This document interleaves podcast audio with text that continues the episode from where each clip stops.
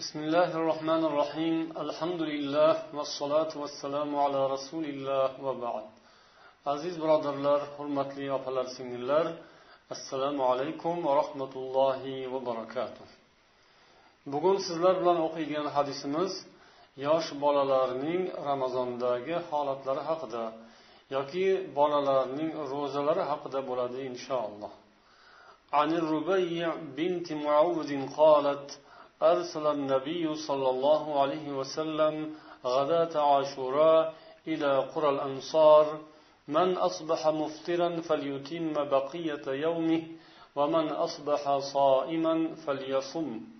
قالت فكنا نصومه بعد ونصوم صبياننا ونجعل لهم اللعبة من العهن فإذا بكى أحدهم على الطعام أعطيناه ذلك حتى يكون عند الإفطار رواه البخاري ومسلم rubayya binti muavvizdan rivoyat u ayol dedi nabiy sollallohu alayhi vasallam oshuro kuni ertalab ansoriylar qishloqlariga odam jo'natib buyurdilar kimki bugun og'zini ochgan holda tong ottirgan bo'lsa kunning qolgan qismini ro'za bilan o'tkazsin kim o'rnidan ro'za tutib turgan bo'lsa ro'za tutsin rubayya dedi. Shuning uchun biz keyin ham shu kuni ro'za tutar va bolalarimizga ro'za tuttirar edik. Ularga jundan o'yinchoq yasab qo'yardik. Agar ulardan birontasi ovqat deb yig'lab qolsa to iftor vaqti kelguncha o'shani berib ovutar edik. Buxoriy va muslim rivoyatlari. Bu hadis oshuro ro'zasi haqida aytilgan ya'ni avvalda ramazondan avval oshuro ro'zasi vojib edi farz edi. Ramazon ro'zasi farz bo'lgandan keyin oshuro ro'zasining hukmi mustahablik darajasiga tushirildi ya'ni ixtiyoriy ro'za bo'lib qoldi. Avval ya'ni oshuro ro'zasi farz bo'lib turgan holatdagi vaziyatni mana bu hadisdan anglaymiz. Ya'ni payg'ambarimiz sollallohu alayhi vasallam oshuro kunida sahobalarga ro'za tutishni buyurdilar. Ana shu paytda sahobalar o'zlarining bolalariga ham ro'za tuttirganlari rivoyat qilinadi. Sahoba ikromlar bolalarni yoshlarini yoshlikdan boshlab islom diniga muhabbat bilan tarbiya qilishardi. Alloh taoloning dini rasulullohning yo'llarini albatta ular davom etishini xohlashadi. O'zlarining farzandlari va zurriyotlariga o'zlari haq deb bilgan e'tiqodni o'zlari amal qilgan dinni o'rgatadilar. Inson ota ona o'zining e'tiqodini o'zi to'g'ri deb bilgan narsasini farzandlariga qoldirishi o'rgatishi bu hamma xalqlarda mavjud bo'lgan tabiiy holat. Alloh taoloning dini islom butun olam uchun insoniyat uchun yuborilgan ekan bu insoniyatning davomchilari kelajagi bolalar yoshlar. Shunday ekan yoshlar tarbiyasiga ahamiyat qaratish hamma ta'limotlarda xususan islom dinimizda nihoyatda e'tiborli masala. Bolalarni ro'za tutishga o'rgatish ramazon oyini ularga ham tanishtirish bu qadim qadimdan bo'lib kelayotgan odat ekanligi yana mana bu hadisdan ham ko'rinadi. Hazrati umar roziyallohu anhu zamonlarida bir odam kunduzi ro'zasini ochib yuborganligi haqida rivoyat qilinadi. Shunda umar roziyallohu anhu u odamdan xafa bo'lib vaylaka suyam dedilar. Ya'ni holingga voy bo'lsin qanday insonsan axir bizning bolalarimiz ham ro'zaku deganlar. Bolalarning o'zlari ham ramazon oyi kelganda ajoyib bir holatda bo'ladilar. Ya'ni xursandlik bilan kutib oladilar ota onalarini kuzatadilar ota onalarga taqlid qiladilar. Ular ham ota onalariga qo'shilib yoki ustozlarga qo'shilib namoz o'qiydilar saharlikka turishga harakat qiladilar ro'za tutishga intiladilar. Ya'ni bolaning tabiati shunday. Ota onasini eng yaxshi inson deb biladi. Ota onasi nima ish qilsa o'shani to'g'ri deb qabul qiladi va ota onasiga ergashadi. Ota onalar ham o'zlari haq deb bilgan yo'lni o'zlari qadrlab bolalar ko'z o'ngida oilada o'zlari chiroyli amal qilishlari nihoyatda muhim masala. O'zlari qanday holda ko'rsatsalar islomni ana o'shanday qabul qiladi bolalar yoshlar. Bolalar demak ro'za tutishga qiziqadilar intiladilar. Bu hayotda ko'rinadi ko'rinib turgan tabiiy holat. Hammamizning ham yoshligimizni agar eslab ko'radigan bo'lsak biz ham yoshlik davrimizda ramazon kelganda nihoyatda xursand bo'lardik. Va qo'limizdan kelgancha ro'zalarni tutardik. Alhamdulillahki mana bolalarimiz ham shunday. Yoshlarni qarasangiz ular ham mana shunday holatda. Ya'ni ular ota onalari va kattalarini ko'rib ramazon kelganini bilib tarohlarga borishadi namozlar o'qishadi va ro'zalarni qo'llaridan kelgancha tutishga harakat qilishadi. Hatto ro'za tuta olmaydiganlar ham kunduzi ulab ulab bo'lsa ham lekin ro'za tutyapman degan so'zni aytib turishadi. Bu ham bir yaxshi xislat. Endi bolalar ro'zalarining hukmi qanday islomda? Yosh bolalarning ro'zalari haqida kitoblarda nima deyilgan? Biz yuqorida keltirgan hadislar babu siyam ya'ni imom buxoriyning bolalarning ro'zasi haqidagi bobda keltirilgan. Ana shu hadislarning sharhida aytiladi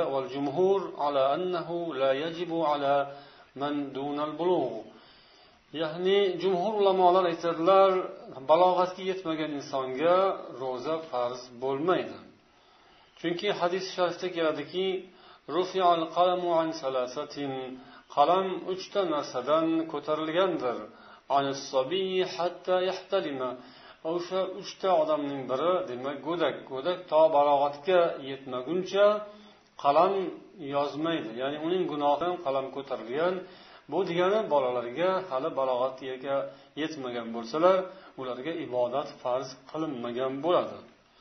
Ammo ulamolar bolalarga hali farz qilinmagan bo'lsada ularni ota onalari va ularning valiyul amrlari ya'ni ularni o'zining qaramog'ida ushlab turgan insonlar bola tarbiyasiga e'tibor berishlari kerak bolalarni yaxshilikka o'rgatishlari kerak jumladan ularni ibodat qilishga ham mashq qildirib borishlari lozim bo'ladi. Bu ota onaning vazifasi. Bolaning vazifasi emas lekin ota onaga buyurilgan ishlar ya'ni farzand balog'atga yetgan paytda qiynalmasdan bemalol shu ibodatni oddiy holatdagidek davom etib ketishi uchun uni yoshligidan boshlab shunga oshno qilib borish kerak o'rgatib borish kerak ko'nikma hosil qilish kerak. Bunga o'rgangandan keyin bola balog'at yoshiga yetganda hech ikkilanmasdan qiynalmasdan bu ibodatni chiroyli davom ettiradi. Rasululloh sollallohu alayhi vasallamdan bu borada ya'ni bolalarni ro'zasi borasida ko'p rivoyat kelmagan. Balki ibn huzayma rivoyat qilgan bir hadisda rasululloh sollallohu alayhi vasallam ba'zi o'daklarga ana shunday ro'zani taklif qilganlari rivoyat qilinadi.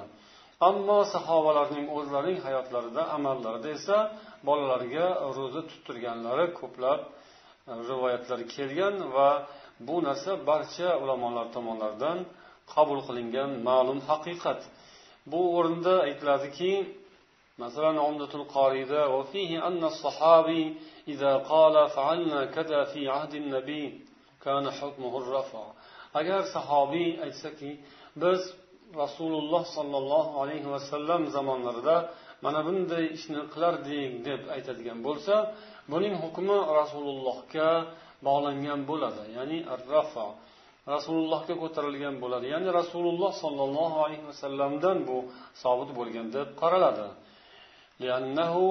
لأن سكوته على ذلك يدل على تقريرهم عليه chunki rasululloh sollallohu alayhi vasallam zamonlarida shu ish bo'lgan bo'lsa va payg'ambar alayhissalom bunga hech bo'lmaganda sukut saqlagan bo'lsalar ya'ni indamagan bo'lsalar bu taqrir hisoblanadi ya'ni shu ishni rasululloh tasdiqlagan bo'ladilar. Agar bu o'rinsiz ish bo'lganda edi rasululloh buni inkor qilgan bo'lardilar. Unday emas. Demak sahobalar zamonlarida qilingan amallar payg'ambar sollallohu alayhi vasallam tomonlaridan joriy qilingan deb qaraladi usul va hadis ulamolari nazarida. Endi bolalar agar demak ularning zimmalariga hali balog'at yoshiga yetmasdan ro'za tutish farz qilinmagan ekan ammo ota onalari bolalariga taklif qilishlari bu bor ekan shariatda shunga buyurilgan ekan bolani necha yoshdan boshlab ro'zaga ibodatga taklif qilinadi degan masalaga kelsak bu borada ulamolar aytadilar yetti o'n yosh atrofida bo'ladi. Ya'ni yetti yoshdan boshlab ularga tushuntirib tushuntirib boriladi.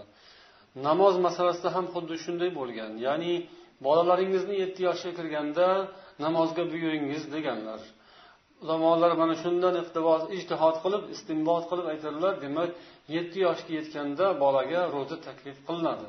Ya'ni ro'zaga qiziqtiriladi ro'zani tushuntiriladi. Ammo majbur qilinmaydi.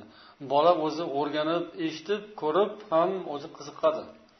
Odatda shunday bo'ladi. Ko'pgina holatlarda bolalar o'zlari qiziqib yoshlik paytlaridan yetti yoshdan emas balki undan ham ko'ra yoshroq bolalar ro'za tutishga intiladilar.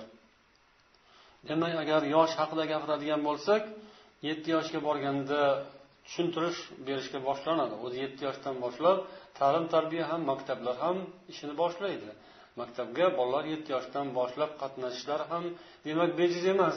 Yetti yoshga yetganda bolada ana shunday ta'lim tarbiyani jiddiy qabul qilishga demak qobiliyat yetilgan bo'ladi. O'sha paytdan boshlab bolaga o'qishni yozishni o'rgatiladi odob axloq o'rgatiladi va ibodat qoidalari asta sekinlik bilan muloyimlik bilan unga o'zining toqatiga yarasha uning ko'tarishiga qabul qilishiga yarasha bolaning tabiatiga moslashgan holda moslashtirilgan holda ibodat taklif qilinadi. Demak ro'za ham mana shunday. Endi bola o'n besh yoshga yetgan mahalda unga ro'za farz bo'lgan hisob bo'ladi deydilar jumhur ulamolar. Ya'ni bu balog'at yoshi deb belgilangan balog'at yoshi bu taxminiy olingan ammo balog'at alomatlari insonda bo'ladigan ba'zi o'zgarishlarga qarab bilinadi. Shularning biri o'n besh yosh. Yana boshqa alomatlari demak insonda tuklar paydo bo'lishi ya'ni qo'ltiq ostida yoki kindigi ostida tuklar paydo bo'lishi va qiz bolalarda hayz ko'rish boshlanishi o'g'il bolalarda esa ixtilom bo'lish boshlanishi bu yoshga qaramagan holda ham bu alohida o'zi bir alomat bo'ladi. Ya'ni hali o'n besh yoshga yetmasdan turib deylik o'n to'rt yoshdan boshlab agar mana bu alomatlar paydo bo'lgan bo'lsa yoki qizlarda ertaroq kuzatiladi ya'ni o'n yoshlar atrofida hayz ko'rish boshlashi mumkin. Ana shunday paytlardan boshlab demak ibodatlar farz bo'ladi ya'ni balog'atga yetgan hisob bo'ladi. Yoki buning aksi agar o'n besh yoshdan o'tib ketgan bo'lsa ham u unda ixtilom bo'lmasa yoki hayz kuzatilmasa u balog'atga yetgan hisoblanmaydi. Ammo o'n besh yoshdan boshlab u endi ko'rinishdan katta bo'lib qolgan bo'ladi. Aqli ham shunga yarasha rivojlangan bo'ladi. Shuning uchun ibodatlarni o'n besh yoshdan boshlab kattalar bilan birga kattalar qatorida qilishini tavsiya etiladi. Mana shu to'g'ri va mana shu odatda qabul qilingan ishdir. Demak bolalarni yoshlikdan boshlab o'rgatib borish bu sahobalarning odatlari bo'lgan. Ularning bizga qoldirgan uslublari yo'llari bo'lgan. Ular bolalarni islom ahkomlariga o'rgatishda qo'llaydigan uslublari mana shu hadisdan ma'lum bo'ladi. Shularni biri bolalarga o'yinchoqlar berish ularni qiziqtirish har xil uslublar bilan qiziqtirish. Endi bu yerda biz ularga jundan tayyorlagan o'yinchoqlarni berardik ovutardik degan ibora kelgan o'sha zamonning o'ziga yarasha uslubi. Endi hozirgi paytda o'yinchoqlarning turi ham ko'payib ketgan soni ham ko'payib ketgan jundan o'yinchoq tayyorlashga hojat ham yo'q. Bu ham mayli ollohning bergan bir ne'matlari o'yinchoqlarni turi ko'p duch kelgan o'yinchoqni ishlatib yoki foydalanish ham aqldan bo'lmaydi. O'yinchoqlarni ham munosiblarini tanlab bolalarga berish va shu bilan ularni ovutish ularga demak ro'zani yengilroq o'tishi uchun ota ona harakat qilishi lozim bo'ladi. Ota onalar murabbiylar ustozlar bolalarga og'ir kelmaydigan yo'llarni uslublarni topishlari kerak bo'ladi. Bu hadis shunga dalolat qiladi. Yana bu hadisning boshqa rivoyatlarida kelgan imom muslim rivoyatlarida keladiki biz bolalarimizni masjidga olib borardik deyilgan. Ramazon kunida demak ro'za tutgan bolalar masjidga borsalar umuman boshqa kunlarda ham bolalarning masjidga borishlari inshaalloh bu foydali yo'l. Masjidda ibodat qilishni o'rganadilar kattalarga qo'shilishni o'rganadilar kattalar bilan bir safda turish ular bilan yonma yon o'tirish bu yoshlarning tarbiyasiga inshaalloh ijobiy ta'sir qiladi. Yoshlar o'zlarini kattalardek his qilishni yaxshi ko'rishadi. Shuning uchun ularni ham kattalar davrasiga qo'shish kattalar bo'ladigan joyga birga ota ona olib borishi bolaning tarbiyasi uchun muhim ahamiyatga ega. Ramazon kunlarida ham bolalarni masjidga olib borardik deb aytadilar sahobiylar roziyallohu anhu demak bu ham bizga ikkinchi bir uslub. Bolalarning muhitiga e'tibor berish ularni mm, o'zimiz bilan birga yetaklab har xil yaxshi joylarga birga olib borish bolaning tarbiyasiga yaxshi ta'sir qiladi uning tushunchasini dunyoqarashini kengaytiradi va uning qilayotgan amallarini osonlashtiradi yengillashtiradi. Agar u ro'za tutayotgan bo'lsa demak ro'za tutishi ham osonlashadi. Inson o'zidan boshqalarni ko'rganda anchayin o'ziga ko'p yaxshi narsalarni ibratlarni oladi.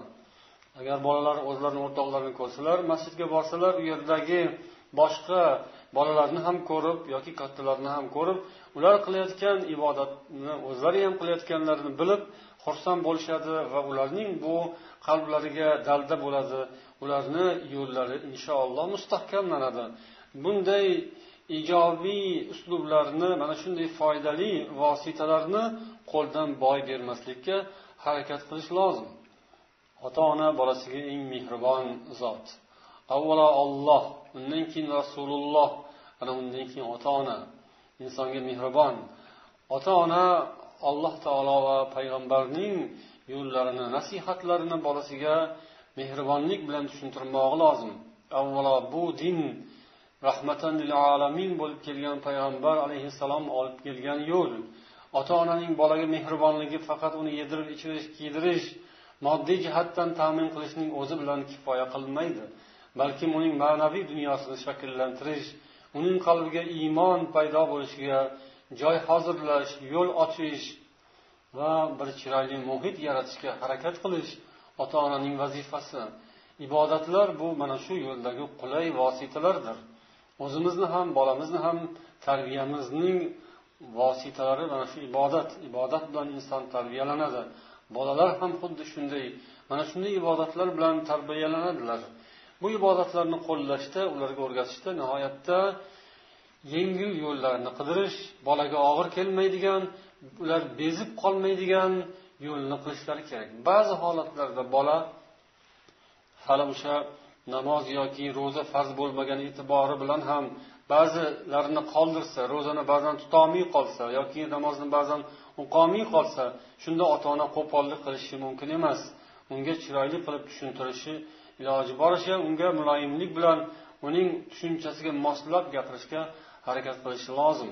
Bolani jismoniy va aqliy jihatlariga ham albatta e'tibor berish kerak bo'ladi. Bolalarning rivojlanishi har xil ularning jismoniy yaratilishi ham har xil bo'ladi bir biridan farqlanadi. Har bir bolaning o'ziga alohida e'tibor berish kerak chunki har bir bola alohida bir dunyo uning o'ziga alohida qarash kerak uning e, holatini ya'ni moddiy jismoniy holatlarini quvvatini yoki uning sog'lig'ini albatta e'tibordan qochirilmaydi. Agar bola kasal bo'ladigan bo'lsa unga ro'za tutish mumkin emas. Lekin alhamdulillahki bu ro'za siz bilan bizning sog'lik salomatligimizni ham ta'minlaydigan bizni chiniqtiradigan bolalarimizni ham xulqini odobini tuzalishiga inshaalloh sabab bo'ladigan chiroyli vosita. Yana bu ibodat mana shu ro'za ibodati ramazon paytida vaqtlarimizni tartibga soladi. Xuddi shunga o'xshab farzandlarimizni ham vaqtga rioya qilishga o'rgatadi. Saharlik vaqti bor taroveh vaqti bor iftorlik vaqti bor. Ana shu vaqtni intizorlik bilan kutiladi. Soatlar lahzalar daqiqalar minutlar sekundlar hisobga olinadi shunga bola o'rganadi. Shuni chiroyli uslublar bilan o'rgatishimiz kerak. Vaqtida saharlikka turish uxlab qolmaslik buning uchun oldindan bolani uxlatish ertaroq uxlatish kunduzi ham biroz dam oldirish iftorlik paytida unga munosib chiroyli taomlarni tayyorlash saharlik paytida ham bolaga yoqadigan uning ko'ngliga ma'qul keladigan taomlarni tayyorlash bu ota onalarning vazifalari. Yana shu bilan bir qatorda iftorlik saharlik paytida bolalar ovqatlanish odobiga rioya qilishlari kerak bo'ladi. Shunday qilib ramazon ro'za siz bilan bizga ovqatlanish qoidalarini ham o'rgatib ketadi. Biz ro'za paytida ovqatlanish tartibiga odobiga o'zimiz rioya qilib keyin bolalarimizga ham bu narsani o'rgatishimiz kerak. Ya'ni og'iz ochgan paytda ovqatni nihoyatda ko'plab og'ziga tiqib olish shoshib pishib ovqat yeyish bu to'g'ri emasligini qorni och bo'lgan odam ohistalik bilan astalik bilan ovqatlanishi kerakligini biz tushuntirib borsak inshaalloh bu faqat foydaga aylanadi.